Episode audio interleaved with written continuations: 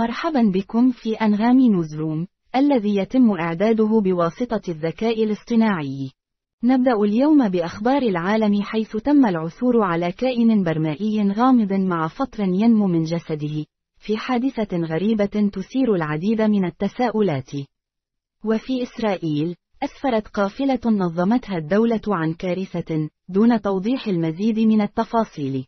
ننتقل الآن إلى الشرق الأوسط، حيث تتواصل الأحداث المأساوية في غزة بسبب الحرب بين إسرائيل وحماس، والقصف الأمريكي، ومقتل العديد من الأشخاص في طابور للطعام. ومن جهة أخرى، يتساءل الأطفال الذين كانوا يسبحون ويلعبون على الشاطئ في شمال غزة عما إذا كانوا سيعودون إلى منازلهم يوما ما. وفي الإمارات، توقعت الأرصاد الجوية هطول أمطار غزيرة ورعد وبرق في دبي وأبو ظبي الأسبوع المقبل.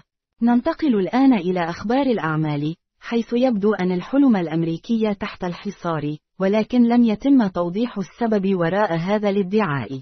وفي عالم التكنولوجيا، أظهرت خطأ في الذكاء الاصطناعي لامبو المخاطر المحتملة في السباق للوصول إلى مايكروسوفت. وفي الرياضة، فاز ماكس فيرستابن في جائزة البحرين الكبرى ووضع علامة في السباق الافتتاحي للموسم. وأخيرا في الفن، تم الإعلان عن الفائزين في جوائز بريت لعام 2024.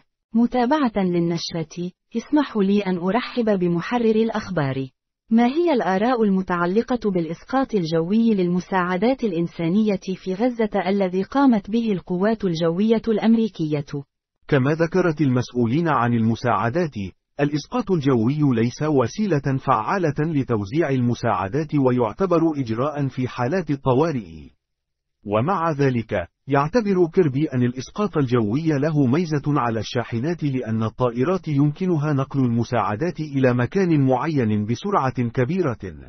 شكرا لكم على الاستماع، ونتمنى لكم يوما سعيدا. لا تنسوا العودة غدا للمزيد من الأخبار الهامة. ولا تنسوا الاستماع إلى أغنية برج عاجي للفنان راشد الماجد على أنغامي.